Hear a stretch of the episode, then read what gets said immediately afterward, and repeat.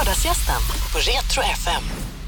Ja, eh, då ska man ju vara nyfiken på någon den här lördag förmiddagen också. Och den här veckan är jag nyfiken på killen som borde ha lite mer koll än vi andra på vad som händer där ute i Malmö, Skåne, världen. Joakim Palmqvist, Sydsvenskan, Veckans brott. God morgon. God morgon, god morgon. Eh, alltså, vad är det som händer i Malmö just nu?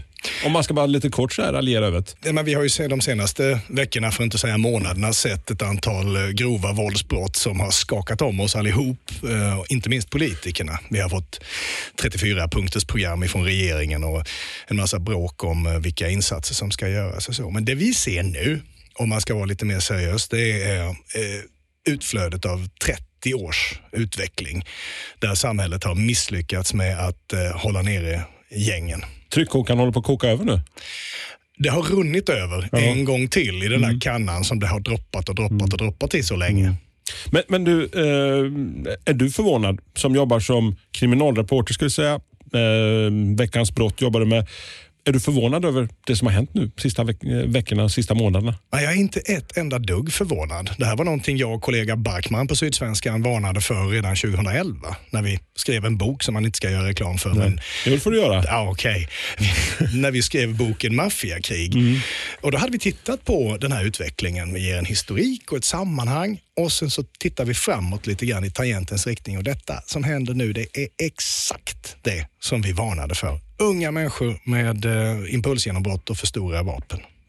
Det, det, jag satt här precis och läste, eh, Svenska Dagbladet hade ju ett litet gräv var vapnen kommer ifrån nu för några veckor sedan. Och för, förvånande hur, hur lätt det är att ta eh, sådana här gamla eh, checkvapen Ja, just tvärs genom Europa. De där är superintressanta. Jag känner Mattias Ståhle som har gjort det där knäcket. Vi gjorde motsvarande för ett par år sedan i första vågen så att säga. Det handlar ju om att man använder skarpa vapen med stift i för att kunna leka krig. Det är sedan gammalt i Slovakien då. Och jag menar, där kan, kunde, vem som helst kan köpa dem över disk. Jag gjorde det själv. Jag köpte en Kalashnikov Okej. eh, som var fullt laglig där och då i Slovakien. Jag förde aldrig ut den, men eh, vi gjorde då ett reportage om det här. Sen sålde jag tillbaka den till en polis för en euro. Okej. Men, men det var ju skrämmande hur lätt det är att få tag på skarpa vapen. De här stiften slår man lätt ut med en metallpinne liksom, och får dem helt sjukt klara.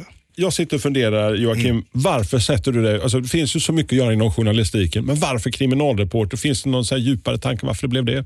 När du Ja, det gör det. Jag började ju för, på, i slutet på 90-talet eh, med det här. Då fick jag ett vick på Sydsvenskan som kriminalreporter. Upp, hur stavar man till kommissarie? var liksom min första, min första fundering där. Men eh, egentligen så är det ju journalistikens grundsatser man lägger fram där också. Det är de sex frågorna. Vem, vad, var, när, hur och varför. Man söker svaren. Och sen är kriminaljournalistik en lätt dramaturgi. Vitt och svart. Allting är antingen lagligt eller olagligt. Så det var det som liksom eh, drog mig in i det. Har det aldrig blivit så att du känner att, för du har ju varit och träffat människor, samhällets bottenskikt ska jag säga, folk som är utkanten av samhället, outlaw-kulturen och allt det där. Har du aldrig blivit så här rädd för någon situation där du liksom har hamnat? Absolut. Jag eh, är konstant rädd, höll jag på att säga. Nej, jag menar att eh, den som är aldrig är rädd är nog dum i huvudet.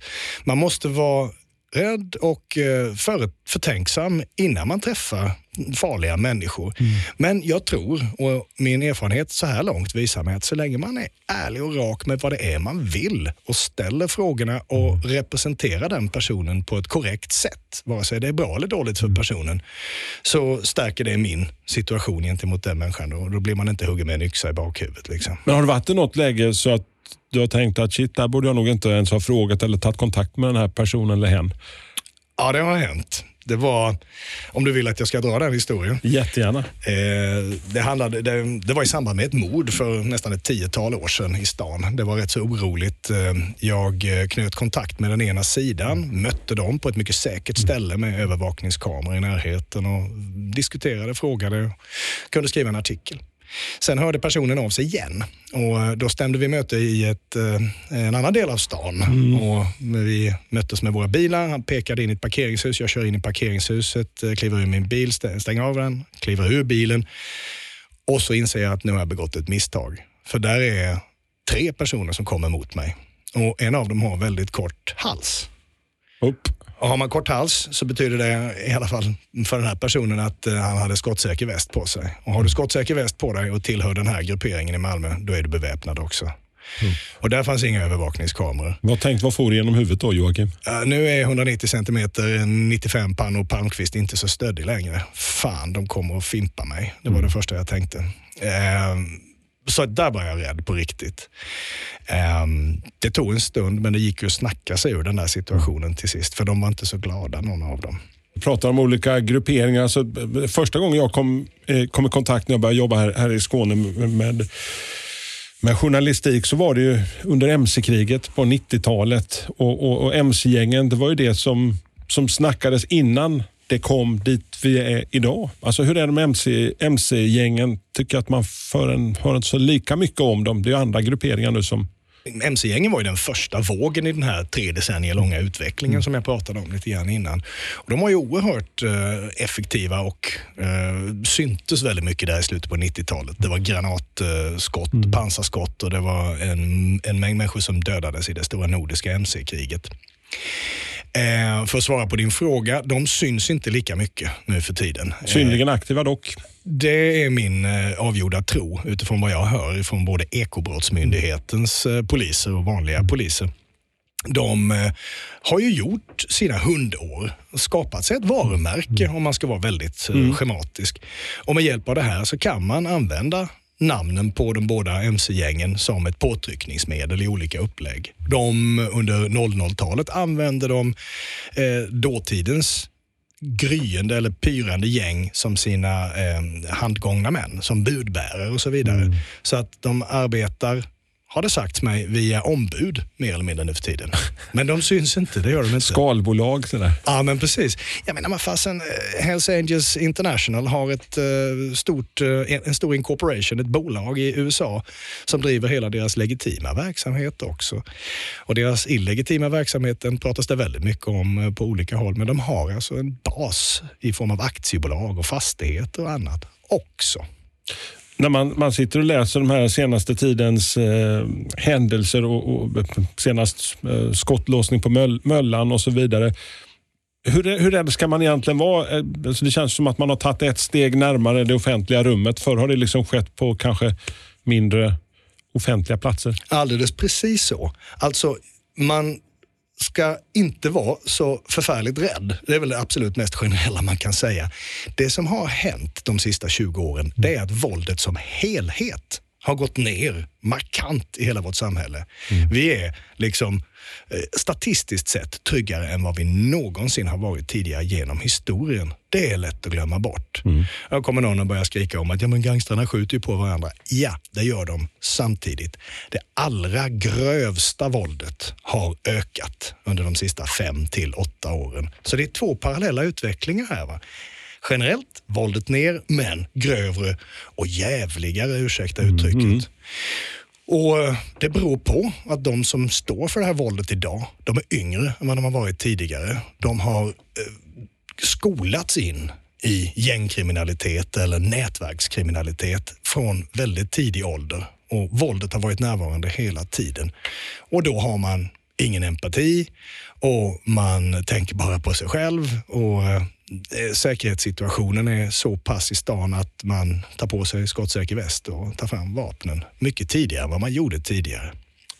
Eh, polisen eh, försöker ju stävja det här med alla de resurser de har, men bland annat den här senaste där man träffar gängen tar dem av, så att säga, tar dem utanför sitt och träffar akutläkare, folk som jobbar och möter deras offer. Alltså, vad tror du om den, den grejen och hur har de berörda parterna, om, om du varit i kontakt med någon av dem? Jag har hört lite grann om det där. Det är projektet Sluta skjut. Det mm. låter nästan lite fånigt på, på svenska, men det heter ceasefire på mm. engelska, alltså mm. vapenvila. Mm. Det har funkat alldeles förtvivlat jättebra i USA under de 20 år man har använt det på mm. olika ställen. Mm. Det har funkat väldigt bra. Jag tror att grundtanken är jäkligt vettig man plockar in ett antal personer som man anser som centrala, eh, som har mycket kontakter mm. i nätverken och trycker på rätt knappar, visar hur eh, en akutläkare berättar så här går det till när man liksom ska reparera någon som har blivit skjuten. Man får olika ingångar där. Det har funkat på flera av dem. Eh, men andra har nog tryckts bara hårdare in i kriminaliteten och, och liksom strider ännu mer mot samhället. Vad kommer det här ta, vad kommer det ta slut? Vad är nästa steg? Alltså, om du spådde att det här för ett par år sedan, det här vi är på väg med den här våldsamma utvecklingen. Kommer Operation Rimfrost, kommer politikerna göra skillnad? Kommer x antal poliser fler på gatorna göra, göra skillnaden? Operation Rimfrost, den här nationella särskilda händelsen där, eh, som är fokuserad på Region Syd, kommer att funka skitbra på kort sikt. De närmaste sex månaderna ungefär kommer Malmö vara ohyggligt mycket tryggare än vad det har varit under det föregående året. I alla fall den upplevda tryggheten. För man ser fler uniformer på stan. Men jag tror däremot att om det inte kombineras med andra insatser så kommer det att falla platt till slut. Jag tror att det, det finns så pass, förlåt, Vad tänker du då liksom för insatser? det finns så pass många unga, alltså vi talar 12, 13, 14, 15-åringar idag, som är beredda att kliva in i, i de äldres roller och ta till grovt våld, som är skolade in i narkotikaförsäljning och, och langning. Så rycker du bort nästa, det, här, det nuvarande toppskiktet bland gangstrarna i stan, då har du fler som raskt kryper upp och, och, gör, och tar deras plats, så att våldet därmed fortsätter. När det paradoxala i alltihopa är att när polisen lyckas med någonting och plockar ett par huvudfigurer, då kan det skapa mer våld. Och i och med att de är så pass många som kan gå upp och ta de här platserna så är risken fortsatt stor. I alla fall de kommande fem åren. Om man inte gör något annat också. Jag sitter och tänker på, på eh, de omutbara med, och- med eh, Sean Connery, Kevin Costner och, och på det sättet man, man tog Chicago-maffian en gång i tiden.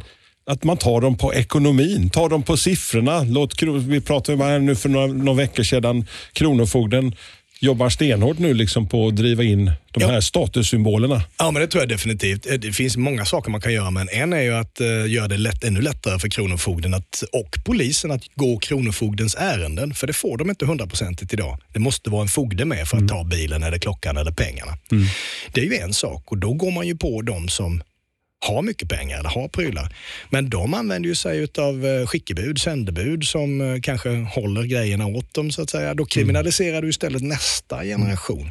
Så att det handlar ju om någonting så eh, tråkigt som stadsplanering, som skolinsatser med 5, 10, 15 Rätt års basala sikt. grejer egentligen. Väldigt basic things. Och Sen tror jag också att eh, det finns repression, poliser som jagar jättehårt. Det finns de jättesociala insatserna, fler fritidsgårdar om jag ska vara lite raljant. Liksom, eller Den typen av insatser, skolor, kontakt med socialen och så vidare. Men det behövs någonting mitt emellan. Eh, Kuratorer och socialarbetare pratar om något som heter mellantvång. Vilket gör att man kan från samhällets sida gå in med hårdare insatser mot unga, 9, 10, 11 år gamla tvinga dem, eh, LVU-placera dem, ta dem från stan i ett tidigare skede. Det låter hårt och förfärligt, men om det är många myndigheter som har varit in och tittat på personen och gör samma bedömning att det här håller på att gå rakt åt fanders, då kan det finnas Då kan man ju faktiskt rädda någon.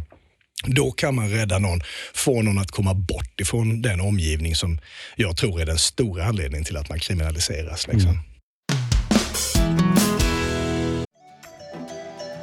Härliga nyheter från oss på Nordic Wellness.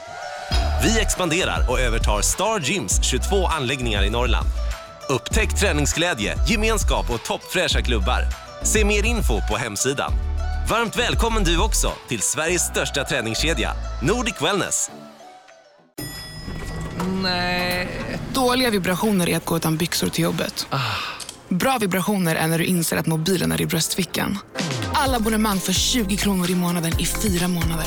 Vimla! Mobiloperatören med bra vibrationer de här eh, gängen som vi har sett, alltså, vil- vilka är de? Alltså, hur ser den genomsnittliga... Alltså, för, som här, för mig var det tydligt att det var HA, det var Bandidos och allt vad de nu har hetat genom åren. Och Original Gangsters och eh, en hel palett. Alltså, är det tydliga så att de har någon gruppering sådär, som med ett varumärke med en patch på ryggen? Det hade ju varit bättre för då hade man varit eh, självmarkerande. Om det sitter en dödskalle på västen så vet man att den kan man plocka och kolla lite närmare på.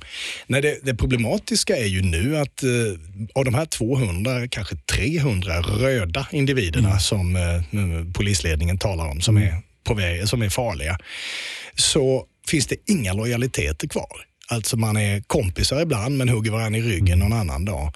Eh, det handlar om pengar, det handlar om knark, det handlar om fåniga saker som vems flickvän som är ihop med vem och så vidare.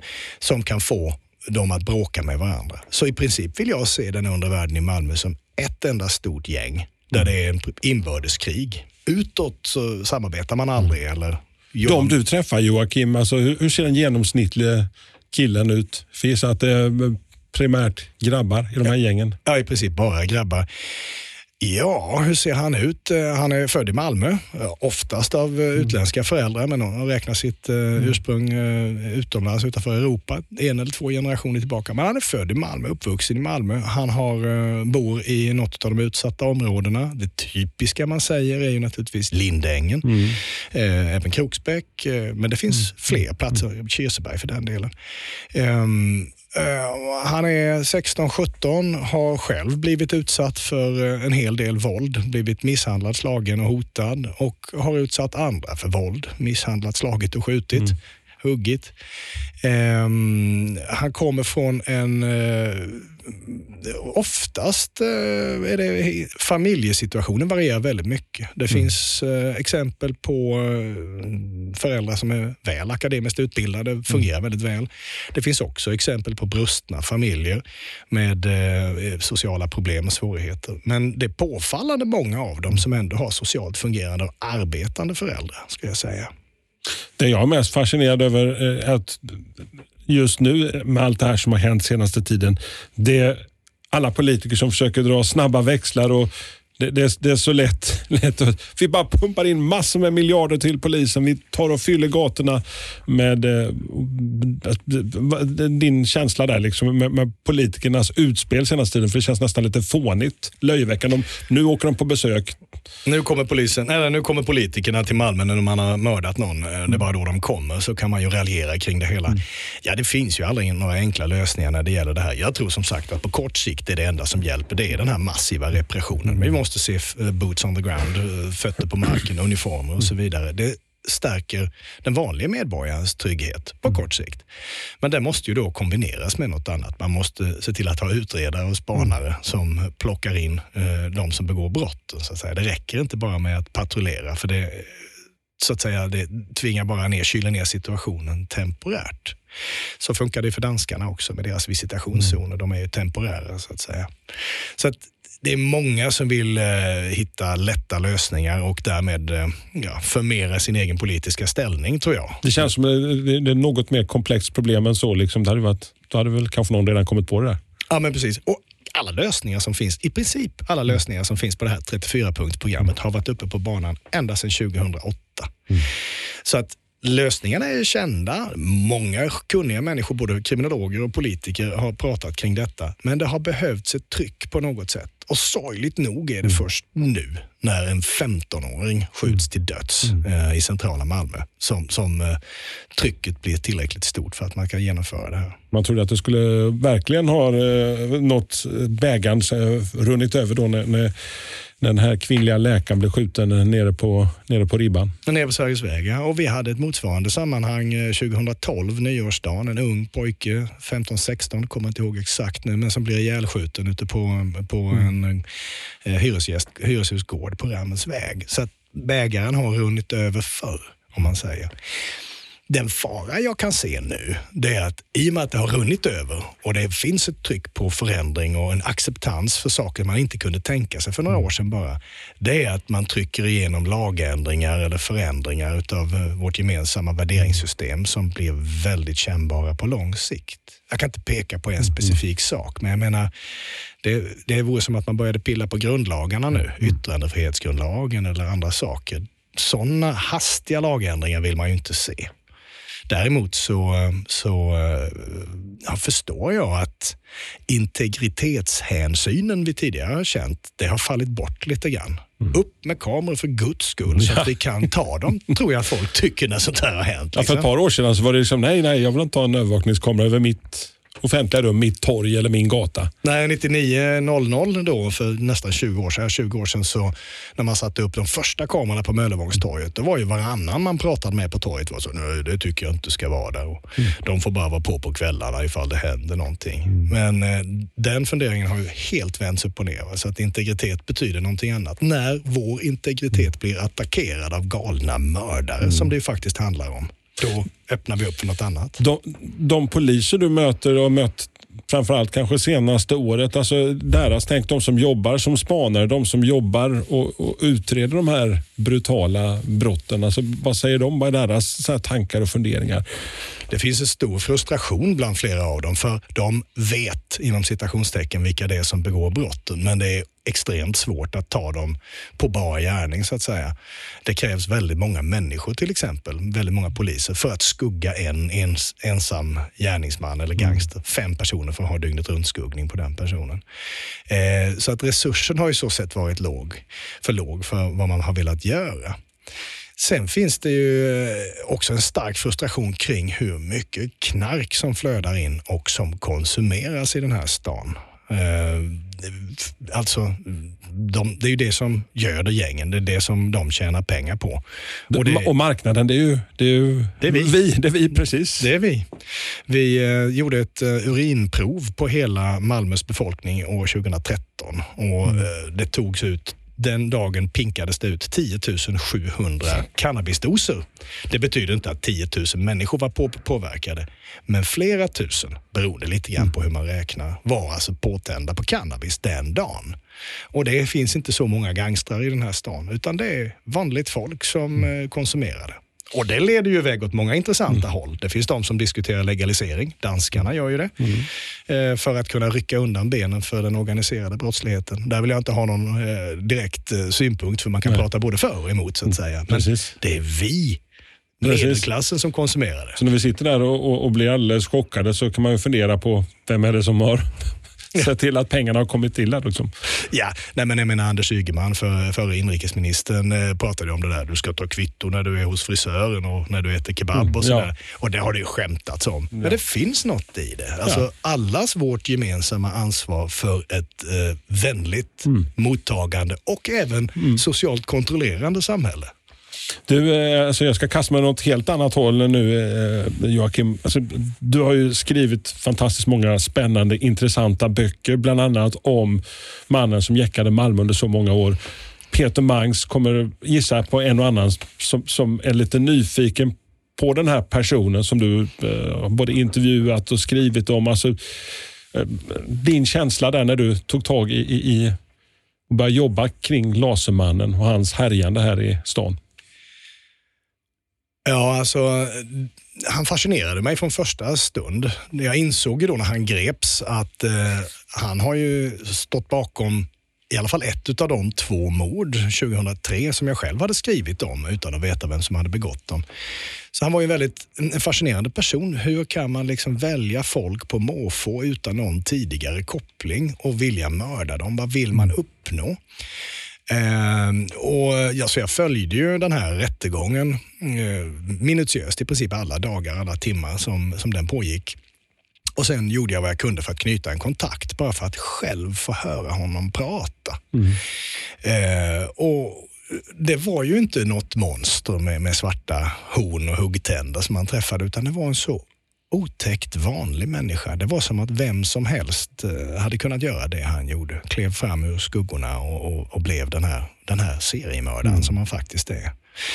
Eh, så att mina känslor var väldigt dubbla, men det första som drev mig att komma i kontakt med honom var ju den klassiska nyhetsnäsan. Jag vill själv höra honom prata. Jag vill inte läsa enbart i handlingar och se om man kan hitta en annan motivbild eller få fram någon annan slags berättelse ur det här.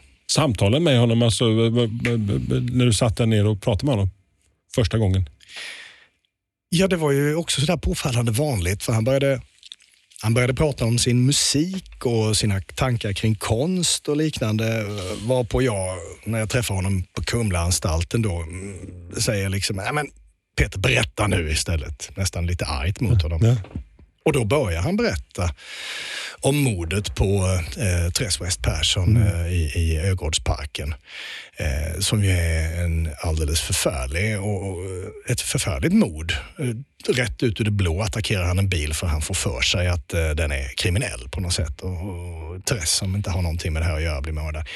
Alltså, och det kalla och väldigt sakliga sättet han berättar om det här, det, det skrämde mig som människa. Ja, det, det, det, är ju någonting som vi inte kan ta på. Vi kan ju ta på alla de här gängen som vi har pratat om. Här kommer då en helt vanlig, som säger, en liten gråmus från ingenstans. Ja, verkligen. Och Det här är också intressant när man tittar på annan typ av kriminalitet. För att många gånger så ut, vi utgår ju som vanliga hedliga, vilket jag utgår från att både du och jag är människor, så utgår vi från vår logik. Varför, vad skulle få någon av oss att utföra en viss handling? Säg döda någon annan. Ja, det skulle förmodligen vara att någon attackerar oss och så ser vi ingen annan utväg och så vidare. Och samma logik använder vi nog när vi tittar på eh, brottsliga händelser som gängmord för den delen eller Peter Mangs mord. Och så hittar vi liksom ingen tydlig logik i vad, han, vad som låg bakom eh, hans resonemang. Och det skrämmer. Det skrämmer mer tror jag. Veckans brott just nu, utlånad här under hösten. Vi har kunnat föl- följa di- ditt, eh, ditt arbete här, under hösten. Blir det någon fortsättning? Oh, det står skrivet i stjärnorna. Jag tycker det är jättekul att jobba med, med tv just nu. Och Camilla Kvartoft och hela den här redaktionen på Sveriges Television.